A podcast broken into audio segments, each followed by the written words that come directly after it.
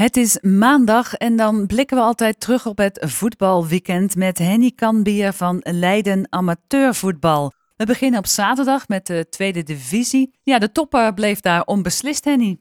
Ja, dan hebben we natuurlijk over de wedstrijd op uh, Sportpark Nieuw-Zuid, waar Quick Boys gastheer was van Spakenburg. Quick Boys probeerde het gat van acht punten te laten slinken naar vijf. Maar dat is uiteindelijk niet gelukt. Quick Boys kwam wel aan de leiding met 1-0, maar dat werd uiteindelijk 1-1. Dat betekent dat Quick Boys nog altijd op 8 punten staat van koploper Spakenburg. Opvallende nederlaag daar voor nummer 2 overigens. De treffers verloor op eigen veld van Jong Almere City. Dan de regionale clubs. Lisse snoepte een puntje van Houtrust op uh, Scheveningen. Even aan de leiding gestaan met 1 tegen 2. Lisse blijft laatste. Noordwijk pakte wederom een gelijkspel. Het grossiert er echt in. Dit keer werd het 1-1 in Heemskerk bij ADO 20. Dan hebben we Rijnsburgse Boys een goede en hele belangrijke en broodnodige overwinning op HHC Hardenberg. Het werd 2-1 voor de Uien. En dat betekent dat de ploeg van interim trainer Hein Lelyveld uh, weer wat puntjes erbij haalt, eindelijk op de ranglijst. En met Katwijk gaat het de laatste weken steeds beter. Nu een overwinning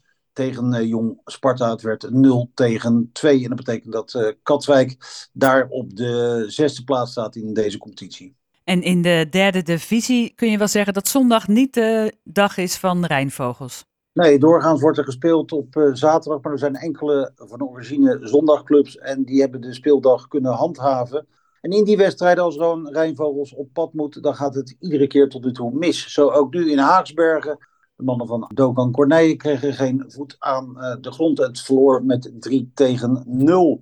En dat na de toch wel knappe overwinning vorige week op IJsselmeervogels. Dan VVSB. Dat uh, hield stand uh, in Utrecht met heel veel moeite. Maar het won wel met 0-1 van Hercules. Beide ploegen dicht bij elkaar. Rijnvogels op 21 punten en VVSB op 20. In de vierde divisie een pittige nederlaag voor SJC.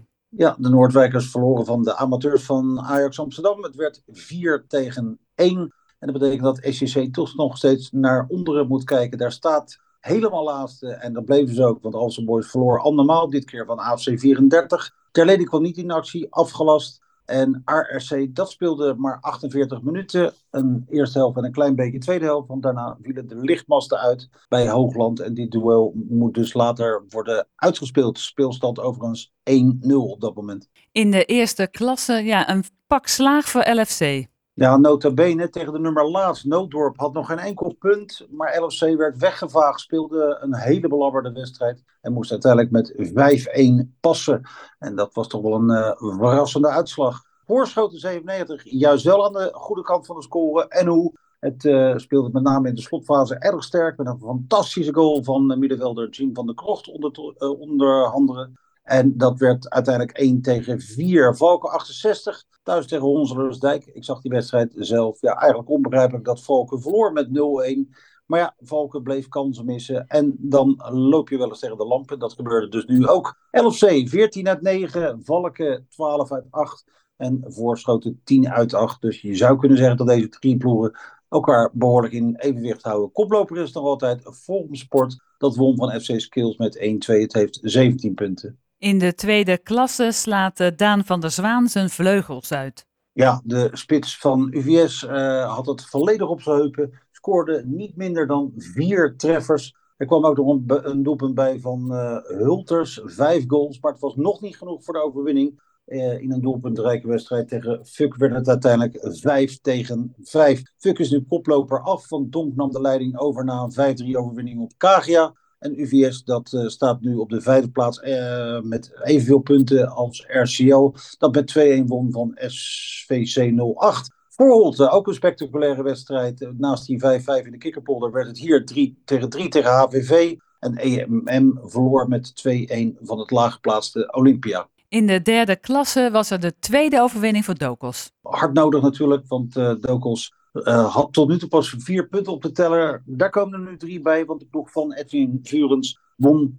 Verdient uiteindelijk van Esto met 2 tegen 1. Dat betekent nog wel dat Dokos één de laatste staat. Maar ja, hoop doet leven. Luchtdunum staat er niet ver boven, bleef op 9 staan na de nederlaag tegen Aarlanderveen. En die ploeg staat samen met RK Des en Koudekerk aan de leiding met 17 uit 9. Koudekerk won, zij het enigszins geflatteerd met 4-0 van Soccer Boys.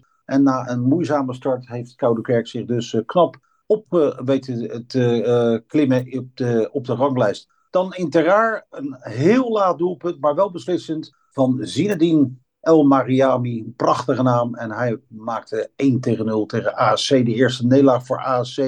Dat daardoor op het ogenblik in de middenmoot staat, maar nog wel een wedstrijd te goed heeft.